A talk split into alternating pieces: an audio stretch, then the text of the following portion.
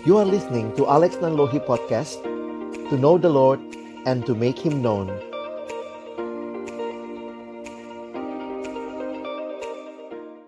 Biarlah pujian kami juga menyatakan pengakuan iman kami bahwa memang Tuhan, waktumu itulah yang terbaik.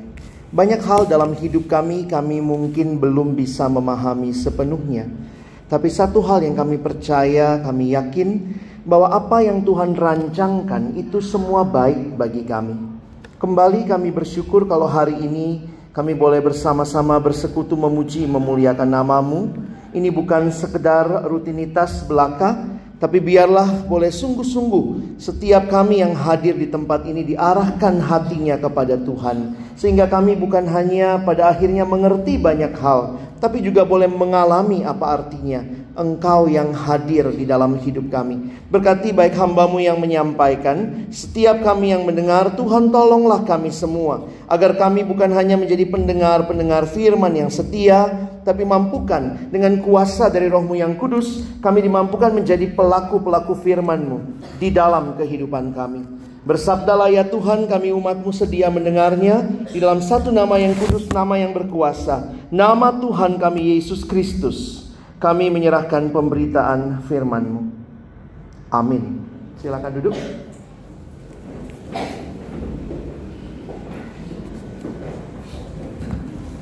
Shalom. Selamat siang Bapak Ibu sekalian. Kita bersyukur buat kesempatan ibadah yang Tuhan berikan dan hari ini tema yang diberikan adalah apa yang saya siapkan slide The Journey That Changes ya perjalanan yang mengubahkan. Nah, sama-sama kita akan melihat satu bagian firman Tuhan. Kita akan membuka di dalam kitab Markus pasal yang keempat, ayat 35 sampai dengan ayatnya yang ke-41.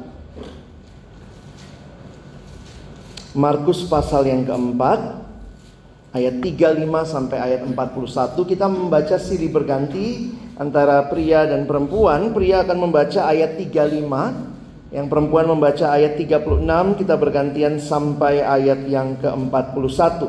Setelah saya baca judulnya, mohon uh, yang pria akan membaca ayat 35. Angin ribut diredakan.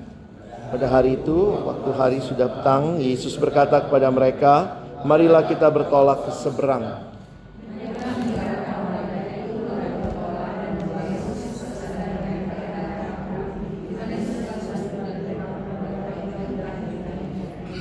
Lalu mengamuklah taufan yang sangat dahsyat dan ombak menyembur masuk ke dalam perahu sehingga perahu itu mulai penuh dengan air.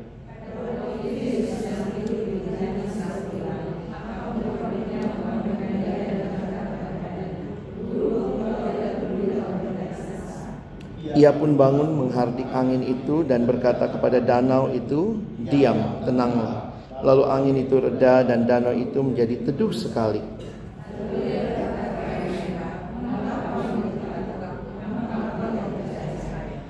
Mereka menjadi sangat takut dan berkata seorang kepada yang lain, "Siapa gerangan orang ini sehingga angin Saudara yang dikasihi Tuhan, kalau memperhatikan bagian ini, kita melihat bagaimana Tuhan Yesus bersama dengan murid-muridnya di dalam banyak peristiwa yang sudah dilewati. Kalau kita lihat mulai dari pasal yang kedua, pasal yang ketiga, dan kita melihat bagaimana murid-murid itu menyertai Yesus di dalam perjalanannya. Sehingga kalau kita bisa melihat bahwa kehidupan kita juga sebenarnya adalah sebuah perjalanan. Life is a journey and that is a journey with Jesus. Hidup adalah sebuah perjalanan bersama Yesus. Dan perjalanan bersama Yesus tidaklah tanpa masalah. Saya pikir justru Tuhan Yesus beberapa kali secara sengaja Bapak Ibu jangan lupa ya, ini peristiwa yang terjadi waktu Yesus mau menyeberang ke daerah tempat orang yang kerasukan itu. Ya. Itu bagian berikutnya nanti kita bisa perhatikan. Jadi kalau kita mau hidup bersama Yesus tanpa masalah, saya pikir kita salah ikut. Karena Yesus yang kita ikuti adalah Yesus yang mengizinkan masalah juga terjadi dalam hidup kita. Bapak Ibu emangnya yang banjir kemarin cuma yang non Kristen? Enggak ya. Banyak orang Kristen yang banjir. Orang gereja saya, saya tinggal di Kelapa Gading sih saudara ya, jadi bisa membayangkan gitu ya. Kami punya kolam yang sangat luas beberapa jam itu. Danau ya. Dan itu ya satu sisi sampai udah nggak tahu lagi emosinya mau apa gitu, mau marah kah, mau seneng kah, mau matiin TV kah gitu ya. Dan itu jadi satu pergumulan yang saya lihat iya ya, hidup bersama Yesus adalah hidup yang diizinkan melewati berbagai pergumulan dan masalah. Mari kita lihat sebentar apa yang menjadi konteks bacaan kita. Saya coba uh, menggambarkan di belakang ini kalau Bapak Ibu nanti lihat. Pada waktu itu hari sudah petang Yesus berkata kepada mereka, "Marilah kita bertolak ke seberang." Jadi ini sebenarnya salah satu juga upaya Yesus me, apa ya istilahnya menjauhi kerumunan orang banyak. Kalau Bapak Ibu perhatikan itu makanya Yesus sering kali bertolak begitu ya dan orang-orang terus mengikut dia. Saya pikir ketika orang melihat banyak mujizat yang terjadi, banyak kesembuhan yang terjadi, maka banyak orang yang mulai datang dan mengikuti Yesus. Saudara bisa lihat ceritanya? Mereka meninggalkan orang banyak itu, jadi orang banyak yang mengikuti lalu bertolak dan membawa Yesus beserta dengan mereka dalam perahu di mana Yesus telah duduk dan perahu-perahu lain juga menyertai dia. Ya biar kita sedikit ada bayangan perahunya kayak apa sih? Jadi mungkin juga pikir, jangan pikir kayaknya primitif banget gitu, perahu yang kecil gitu ya. Saudara, perahunya ternyata hasil penggalian arkeologi sejarah yang ditemukan di sekitar Galilea ini bentuk perahu. Memang tidak pakai motor, pakai layar. Kalau saudara perhatikan itu kira-kira tingginya 8,1 sorry, panjangnya 8,1 meter dan lebarnya 2,3 meter dan tingginya kira-kira 1,4 meter. Jadi itu bisa menampung sampai 15 orang. Jadi ini membuat kita juga jadi sadar, oh iya ya, ini konteksnya perahu pada waktu itu ini salah satu perahu yang ditemukan dalam penggalian arkeologis. Cerita berikutnya, lalu mengamuklah taufan yang sangat dahsyat dan ombak pun menyembur masuk ke dalam perahu sehingga perahu itu mulai penuh dengan air. Saya pikir kita harusnya memahami bahwa murid-murid Yesus sebagian dari mereka adalah nelayan. Mereka bukannya baru pertama kali menghadapi taufan semacam ini. Atau boleh saya tafsirkannya begini. Kayaknya mereka sering ngadepin taufan, tapi baru kali ini kayaknya yang seserem ini. Kira-kira begitulah. Karena kalau kita pelajari, ternyata Danau Galilea sering kali terjadi taufan karena letak geografisnya. Nanti Bapak Ibu bisa pelajari lebih dalam yang guru geografi mungkin ngerti gitu ya. Bahwa ternyata itu di bawah permukaan laut. Danau Galilea itu dan karena itu ada tekanan yang bagaimana lah saya bingung bacanya gitu ya. Yang membuat akhirnya taufan sering terjadi. Tapi nampaknya taufan kali ini berbeda. Karena bayangkan nelayan yang biasa, murid-muridnya yang biasa di danau itu berkata begini. Murid-muridnya membangunkan dia dan berkata pada guru, engkau tidak peduli kalau kita binasa? Banyak tafsiran ini muridnya lagi ngomong apa sebenarnya? Apa sih yang sedang mereka takutkan? Atau memang mereka ya seperti tadi, belum pernah mengalami yang sedahsyat ini. Yesus nampaknya kecapean karena sudah menghadapi orang banyak. Saya pikir dalam penghayatan kita dia sungguh-sungguh manusia, kita kan nggak bisa bilang Yesus pura-pura tidur ya, pura-pura bobok ya, kayak orang naik kereta api atau naik kereta kan pura-pura tidur gitu ya, biar nggak kasih duduk sama yang lain, kecuali nanti dijambak gitu ya, ada yang viral ya, ih serem begitu ya. Lalu ada juga uh, orang yang pura-pura tertidur begitu ya. Yesus tidak demikian. Dia tidur di buritan, di buritan itu di mana? Kalau terjemahan lain menggunakan istilah itu ya. Buritan itu di bagian belakang kapal. Ya, jadi guru kenapa engkau tidak peduli? Sebentar lagi kita akan tenggelam dan binasa. Dan apa yang menarik adalah Bapak Ibu perhatikan, ia pun bangun menghardik angin itu dan berkata kepada danau itu, "Diam, tenanglah." Lalu angin itu reda dan danau itu menjadi teduh sekali. Ini mujizat yang terjadi di dalam anugerah Tuhan. terjadi langsung seketika itu juga. Tapi saya berusaha menafsirkan perikop ini dalam terang ayat ini, saudara ya. Lalu dia berkata kepada mereka, "Mengapa kamu begitu takut? Mengapa kamu tidak percaya?" Ternyata di dalam menafsirkan cerita ini, kalau lihat dari kalimat Yesus, nampaknya yang Yesus concern adalah ketidakpercayaan mereka. Memang ini salah satu hal yang sulit termasuk bagi kita sekarang. Orang Kristen sering kali disebut orang percaya. Tapi hal yang paling sulit saudara dan saya lakukan biasanya adalah percaya. Sungguh-sungguh percaya? Gampang nyanyinya tadi ya. Waktu Tuhan pasti yang terbaik. Bener nggak gitu? Are you a believer? Jadi kalau perhatikan di dalam bagian ini Yesus memfokuskan kepada ketidakpercayaan mereka. Dan selanjutnya mereka jadi sangat takut saudara dan berkata seorang kepada yang lain siapa gerangan orang ini sehingga angin dan danau pun taat kepadanya. Apa yang bisa kita pelajari dari cerita ini? Akhirnya saya melihat sederhana sekali begini. Sebenarnya ketika Tuhan mem, apa ya mengizinkan peristiwa-peristiwa itu terjadi dalam kehidupan perjalanannya bersama para murid, sebenarnya yang Tuhan mau adalah murid-murid makin percaya. Journey that change. Perjalanan yang mengubahkan. Saya pikir itulah caranya ketika saudara dan saya mau belajar melihat kehidupan kita, mari melihat dalam bingkai ini peristiwa terjadi dalam kehidupan bukan sekadar peristiwa demi peristiwa, sebuah rangkaian kehidupan biasa.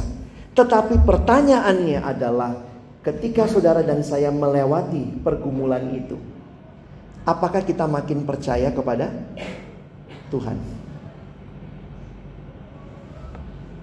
Ini bukan sekadar cerita angin ribut diredakan.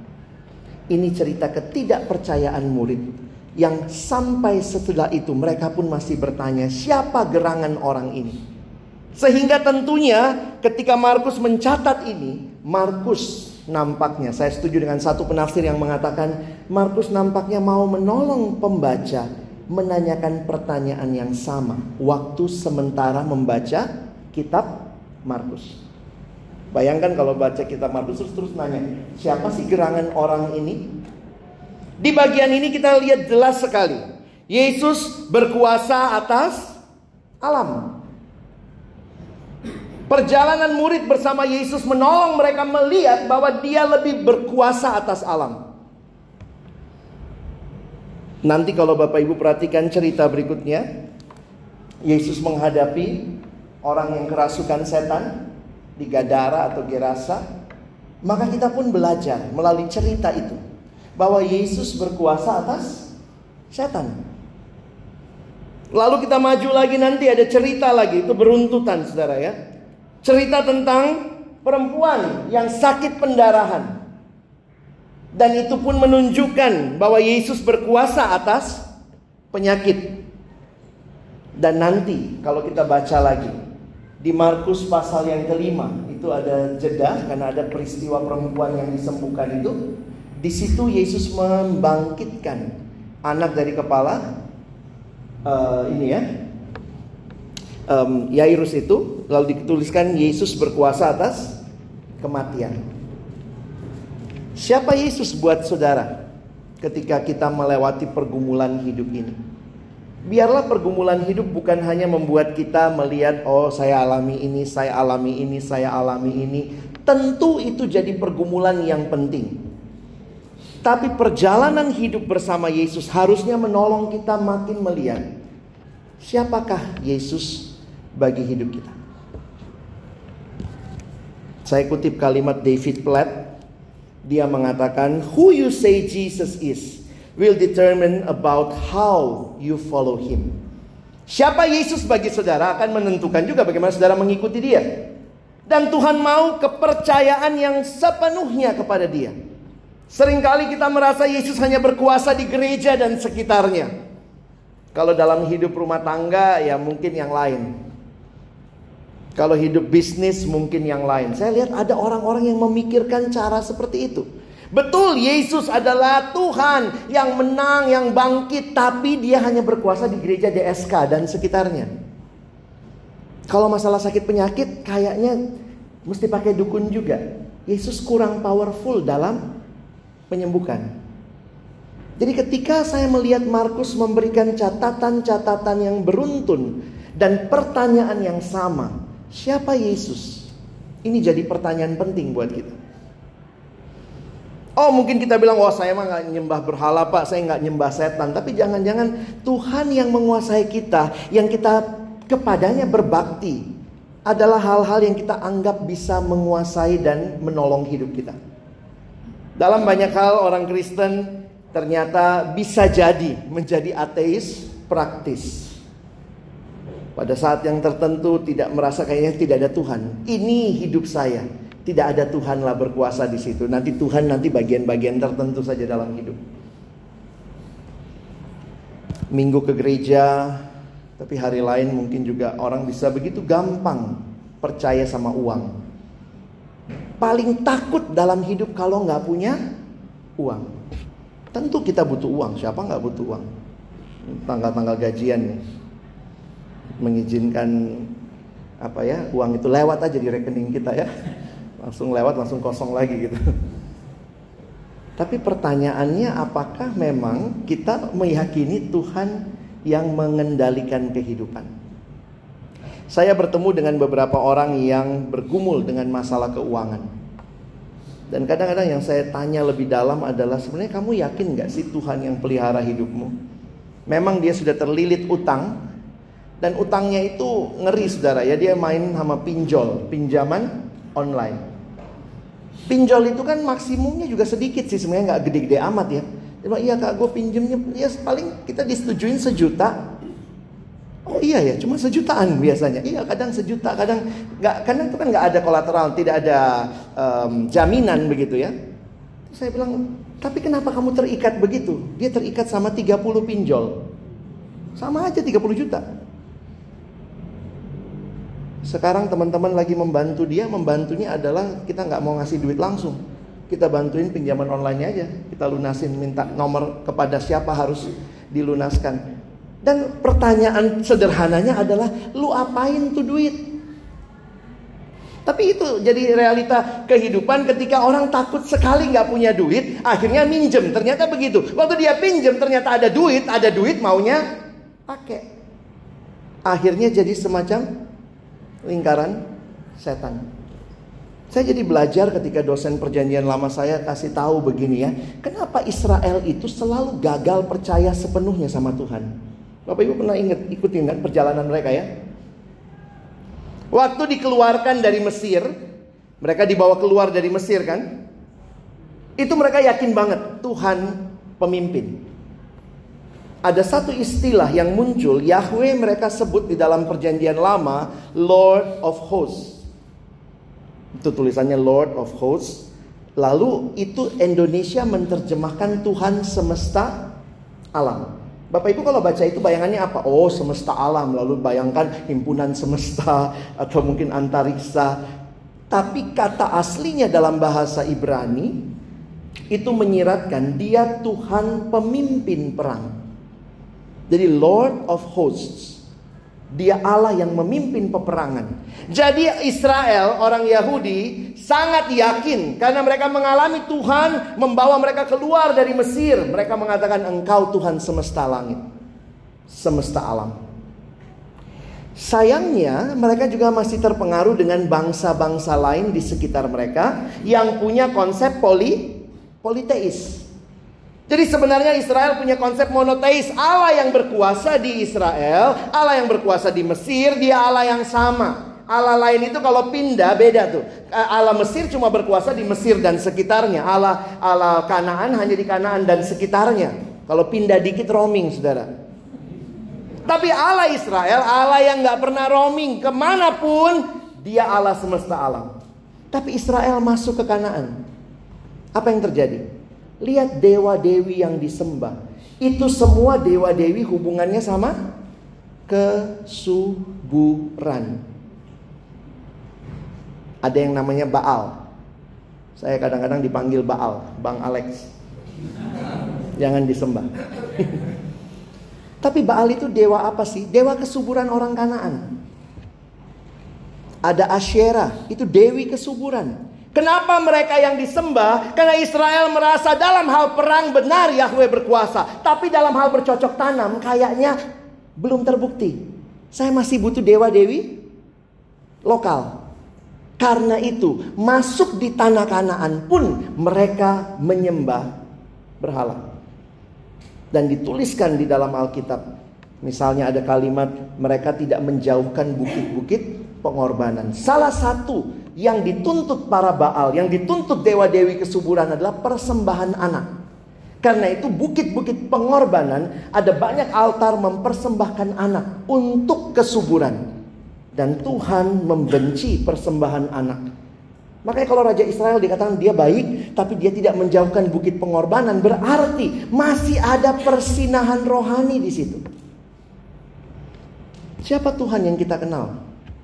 Dia Tuhan yang berkuasa atas kehidupan seluruh hidup kita atau atas sebagian kecil kehidupan kita. Seharusnya ketika Bapak Ibu melewati pergumulan ekonomi, who is Jesus for you? Melewati pergumulan keluarga, siapa Yesus yang makin jelas buat kita? Melewati pergumulan kesehatan, siapa Yesus buat kita? Melewati pergumulan karir, Siapa Yesus buat kita? Melewati pergumulan studi anak, siapa Yesus buat kita? Melewati pergumulan cari teman hidup, siapa Yesus buat kita? Mengalami pergumulan putus, harus move on, siapa Yesus bagi hidup kita? Dan inilah yang harusnya kita terus bertanya. Karena itu pertanyaan saya bagi kita siang hari ini adalah ini. Bagaimana perjalanan saudara bersama Yesus telah mengubahkan hidupmu? Makin percaya atau makin sulit percaya? Nah, ini jadi pertanyaan buat kita. Harusnya our journey in life knowing God more.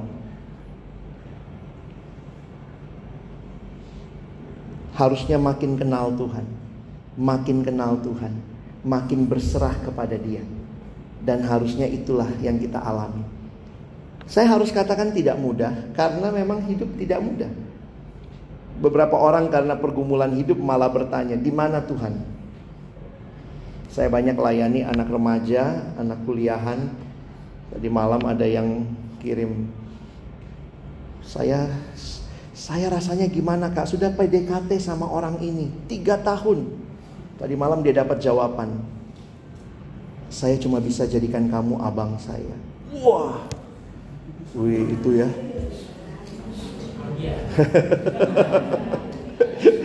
Wah satu malam gitu ya, ya itulah ya. Jam satu WA, eh, jam jam satu kirim message saya masih balas gitu ya. Dia balas lagi, dia balas lagi. Akhirnya saya tinggal tidur. Tadi pagi saya balas lah yang saya tidur semalam. Saya balas, ternyata dia udah pantengin ini kali ya. Langsung dia balas. Apakah saya harus menikah setelah dia menikah dulu kak? Maksudnya saya tunggu terus. Wah gitu ya. Dia pertanyaan saya sama sama dia. Sebenarnya kamu jadi mengerti apa sih yang Tuhan mau ajarkan sama kamu? Kita bisa begitu pahit karena merasa Tuhan tidak memberi yang kita mau. Tapi kadang-kadang itu kayak kita kayak anak kecil Bapak Ibu ya. Kita kayak anak kecil yang memang Makanya tiap kali nyanyi lagu waktu Tuhan yang terbaik saya harus bilang Tuhan ya sudah saya saya nggak ngerti saya cuma anak kecil yang saya percaya engkau baik. Bayangkan anak kecil misalnya waktu kita masih kecil gitu ya ngelihat misalnya mau pergi apa imunisasi gitu ya. Anak kecil digendong papa mamanya pergi imunisasi atau mamanya gendong gitu. Lalu kemudian mamanya serahkan sama dokter untuk disuntik ada jarum. Waktu anak itu lihat jarum besar dia nangis. Terus dia lihat mamanya di situ ketawa-ketawa. Foto-foto lagi mama sekarang kan. Mungkin anak itu ber, berkata dalam hatinya ya, kurang ajar nih mama gua. Dia biarin dia selain aku disakiti, disuntik, ketawa-ketawa pakai foto lagi. Habis itu dibalikan. Anaknya udah kesel mamanya. Apalagi waktu lihat mamanya keluarin duit. Gila, yang menyakiti aku dibayar sama mama. Tapi ketika ada wabah terjadi, ternyata cuma anak ini yang selamat di desa itu. Karena ada kekebalan tubuh yang baik. Kadang-kadang Bapak Ibu mungkin nggak bisa ngerti sekarang. Ngertinya Tuhan, kenapa Tuhan? Jahat amat sih. Kita banyak orang Kristen, tapi cara pikirnya karma. Makanya kemarin ada lagi yang nanya. Kenapa kak? Ini nanya gitu loh. Kenapa kak? Kenapa Tuhan gak baik sama saya? Dia bilang saya salahkan Tuhan. Oke, kenapa Tuhan gak baik sama saya? Terus kalimat belakangnya, selama ini saya baik loh kak sama orang. Maksud lo apa? Karena pemikirannya karma. Kalau gue baik sama orang, harusnya gue dibaikin Tuhan juga. Saya cuma bilang sama dia, saya nggak tahu, saya bukan Tuhan. Kamu nanya kenapa? Saya juga nggak tahu gitu ya. Tapi yang bisa saya katakan dia tetap baik walaupun kau belum bisa melihat the whole story. Pertanyaannya adalah apakah saudara makin kenal Tuhan lewat perjalanan hidup saudara. Saya tutup dengan aplikasi yang saya renungkan dari buku J.I. Packer. Dia menulis buku Knowing God. Menarik sekali, dia mengatakan ada bukti dari orang yang mengenal Allahnya. Dia kasih empat bukti. Ini bukti yang pertama. Those who know God have great energy for God. Jadi kalau memang Bapak Ibu kan hidup ini kan perjalanan makin kenal Tuhan, makin kenal Tuhan, maka tanyakan. Kalau saudara masih punya energi yang berkobar-kobar untuk Tuhan, berarti saudara makin kenal siapa Tuhan. Dan jangan lupa bisa jadi ketika saudara mulai makin lesu, jangan-jangan kita makin tidak kenal Tuhan, makin marah sama Tuhan, makin benci sama Tuhan, sehingga kita tak punya energi yang besar. Energi ini datang bukan hanya dari sekadar ada insentif, ada appraisal dari orang lain, tapi karena kita kenal siapa Tuhan. Mengenal Tuhan membuat kita mau punya energi yang besar bagi Dia. Yang kedua, those who know God have great thoughts of God. Yang dipikirkan adalah bagaimana kerajaan Allah maju. Bagaimana orang-orang boleh diberkati. Bagaimana sehingga akhirnya tidak melulu titiriri mati-matian untuk diri sendiri. Kalau orang dikuasai dosa, dosa itu akarnya diri. Aku yang paling utama. Tapi kalau kita kenal Tuhan, kita tahu bahwa Tuhan ketika saya mengutamakan engkau dan kerajaanmu, maka Tuhan akan penuhkan kebutuhan kita. Those who know God show great boldness for God. Punya keberanian bagi Tuhan. Saya pikir kadang-kadang melihat cerita misionaris, saya pikir ya jangan cuma misionaris dia rela ke pedalaman ini ke pedalaman ini. Kita bukan misionaris dalam tujuan yang sama, tapi sebenarnya kita semua adalah misionarisnya Allah di pekerjaan kita. Apakah saudara menunjukkan keberanian yang besar untuk berkorban, bekerja bagi kemuliaan Tuhan? Dan terakhir, Those who know God have great contentment in God. Kepuasan sejatinya hanya dalam Tuhan. Jadi waktu saudara dan saya melihat ini semua, saya makin menyadari para murid di akhir hidupnya akhirnya makin melihat. Saya kenal Tuhan. Karena itu lihat di kisah Rasul pasal 2. Petrus yang tadinya menyangkal. Berdiri dan berkata bagi orang-orang itu. Yesus yang kamu salibkan itu. Telah dibangkitkan Allah Hari itu 3000 orang bertobat. Kalau institusi Kristen tidak kenal Tuhannya, semua jadi rutinitas.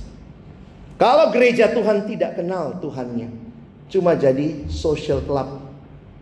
Ada pendeta, ya udah siapin apanya, fasilitasnya, nanti dia tinggalnya gimana, terus nanti bikin perkomisi ini, komisi itu, semua akan cuma jadi sekadar social club.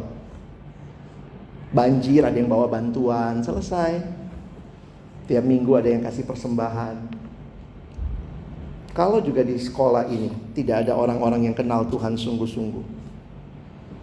Bertumbuh dalam pengalaman iman bersama Tuhan. Jangan-jangan kita cuma main sekolah-sekolahan.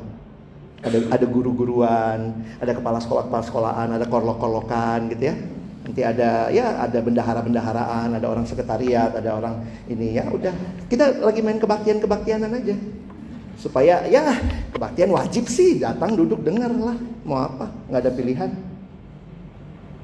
Bisa jadi semua jadi seperti itu. Dan ini juga reminder buat saya. Jangan-jangan saya cuma melayani undangan-undanganan. Saya masih punya nggak hati yang berkobar-kobar buat Tuhan? Pikiran-pikiran yang memikirkan bagaimana kerajaan Allah maju. Ataukah jangan-jangan kita yang namanya Kristen, yang namanya orang percaya, sudah tidak percaya sama Tuhan yang kita layani. Is this journey really change your life or change nothing?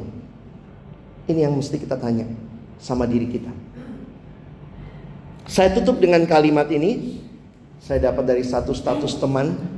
Menarik sekali statusnya. When you run alone, it's called race. But when God runs with you, it's called grace. Saudara melihat hidup hanya saya lagi berjalan, saya lagi berjuang, saya lagi bekerja, saya lagi melakukan semua tugas. Maka kita mungkin bisa, wah saya udah selesai, hari ini selesai kerja, hari ini. Tapi kalau kita bisa lihat perjalanan itu bersama Tuhan, anugerah demi anugerah kita alami. Kesulitan tetap ada. Tapi di dalamnya kita makin kenal siapa Tuhan. Kalau sungguh-sungguh Tuhan dimuliakan, Tuhan dikenal, maka ada harapan buat gereja, buat institusi Kristen, buat umat Allah. Tapi kalau tidak, kita sedang bermain-main saja. Persis seperti Israel. Semua dilakukan, tapi tidak ada hati yang sepenuhnya diserahkan kepada Allah. Masih dipelihara berhala-berhalanya. Dan itu yang menghancurkan mereka. Mari alami perjalanan yang indah ini. Not your own race, but when God runs with you, it's called grace. Amin. Mari berdoa.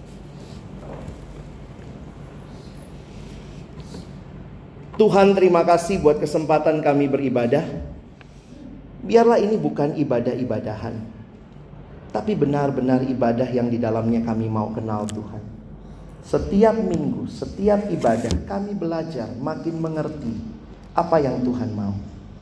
Setiap pergumulan hidup yang Tuhan izinkan kami alami. Mungkin dalam masalah pergumulan keuangan, masalah pergumulan relasi suami istri, masalah pergumulan kesehatan. Pertanyaannya, siapakah Yesus yang makin kami kenal, yang makin kami percaya? Pertanyaanmu bagi para murid juga pertanyaan bagi kami. Pertanyaan yang mengingatkan kami. Mengapa kamu begitu takut? Mengapa kamu tidak percaya? Biarlah kami yang sudah mendengar firman belajar percaya. Sebagaimana Tuhan telah memanggil kami jadi orang-orang percaya. Tolong kami. Bukan cuma jadi orang-orang yang mendengar banyak firman. Tapi orang-orang yang menghidupinya dan mengalaminya. Bersama dengan Tuhan. Kami bersyukur dalam nama Tuhan Yesus. Kami sudah berdoa. Amin.